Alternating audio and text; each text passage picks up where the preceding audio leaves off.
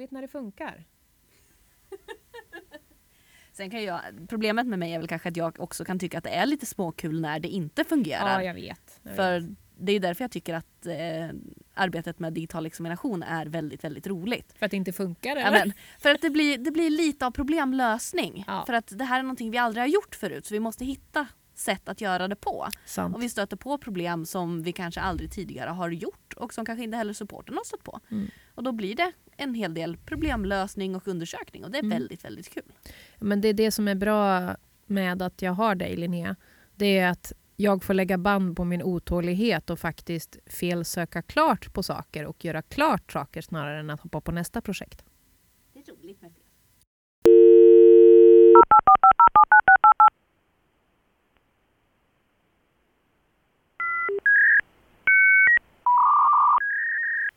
Men du Anna.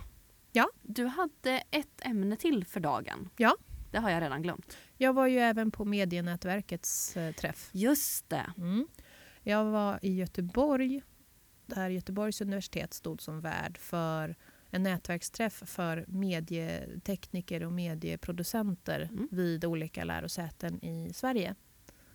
Och egentligen skulle jag väl säga att det var mer för de som är väldigt tekniskt kunniga inom bild, ljud, video. Mm. Men det jag tog med mig därifrån var också insikten att de universitet, lärosäten som har kommit långt på den här biten det är ju de som har sysslat med distansutbildning länge men också de som har ett tydligt programutbud som berör medieteknik, medieproduktion, bild, ljud, videoproduktion, hela den biten men också journalist, journalistutbildningar. För flera av de exempel som togs upp var från Göteborgs universitet som har den här kombinationen av olika inriktningar. Men också Södertörn där de har gjort som en slags samarbete mellan bibliotek, lärare, studenter, IT, AV, service och så vidare för att skapa en studentbyrå, medieproduktionsbyrå som är studentdrivet Mm där journaliststudenter och medieproducentstudenter får uppdrag inom podd, produktion, film och så vidare. Och Det är också en jättebra grund att utgå ifrån. Mm. Och Det jag också tänkte på var att video är, viktig, är viktigt. Video på webben är viktigt framöver när det gäller kommunikation. Och att vi skulle behöva vara bättre på att lärare får visa upp vad de gör på olika sätt med hjälp av, av film. Mm. Men det ska inte vara någonting som alla måste syssla med. Nej, men det jag tog med mig också som eh, idé från medienätverksträffen var ju det här att de som har jobbat mycket och länge med distansutbildning de har ju en upparbetad struktur för det, infrastruktur. Men det jag tyckte att Linnéuniversitetet hade som en bra modell var att tänka på det här med de distansstudenter som aldrig någonsin kommer till campus.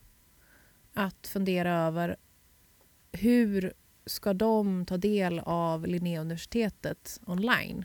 Och vad ska de mötas av? Jo, det ska åtminstone finnas en professionellt producerad introduktionsfilm där den som är kursansvarig får presentera kursen och så vidare.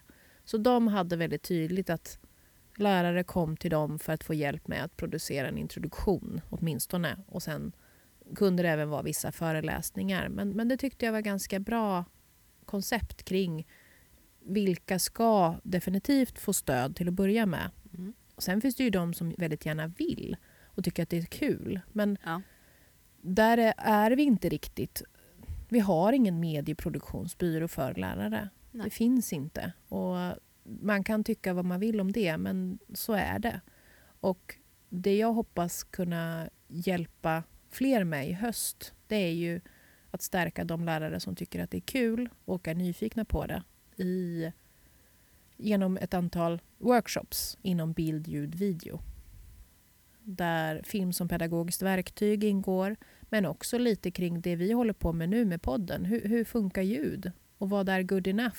Och hur kan man ta sig vidare om man känner att det är någonting man vill jobba med Mm. som lärare? Mm. Men det jag, tycker, det jag också tog med mig från den här träffen var att bara för att videomaterial är en viktig del av webbens utveckling så är det inte prompt någonting som alla lärare ska göra. Mm. Känner man sig inte bekväm med det formatet så är det inget tvång.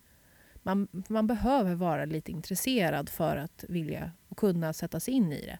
Sen finns det ju de som av rent praktiska skäl kan behöva spela in föreläsare som kanske inte kan komma och så vidare. Men det är en helt annan grej. Men att man i sin pedagogiska meritportfölj kan ha med lite digitala inslag som man känner att det här har jag gjort före min kurs. Men det behöver inte bara vara video. Vi är så videofixerade, Mm. känner jag. Digitalisering är inte bara film. Nej, och jag, det jag också har tagit med mig är just det där att, att fundera över ljud.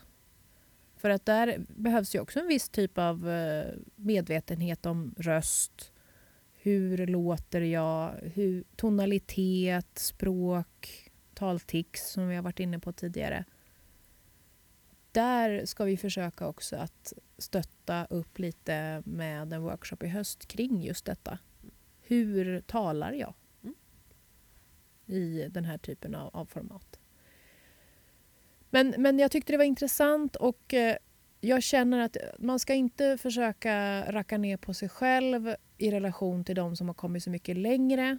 För dels så är det lärosäten som har haft det här i sin struktur längre. Det är större lärosäten. Stockholm och Göteborg är mycket större och har mycket mer resurser på det sättet. Och har haft mera tid på sig att lära sig hur det kan funka. Mm. Så det, det är lite... jag- kan förstå frustrationen hos vissa att vi inte har. Men nu är det så. Och då får vi försöka jobba med digitaliseringen i relation till pedagogisk utveckling ändå. Ja, eller kanske till och med just för att vi inte har satsat på videoproduktion, eh, alltså att ha en produktionsenhet, så finns det andra vägar vi kan ta för att digitalisera vår pedagogik. Oh ja. Men du Anna, Mm. nu är det lunchdags. ja! Jag är jättehungrig. Jag är nästan så jag undrar om det inte hörs att min mage kurrar.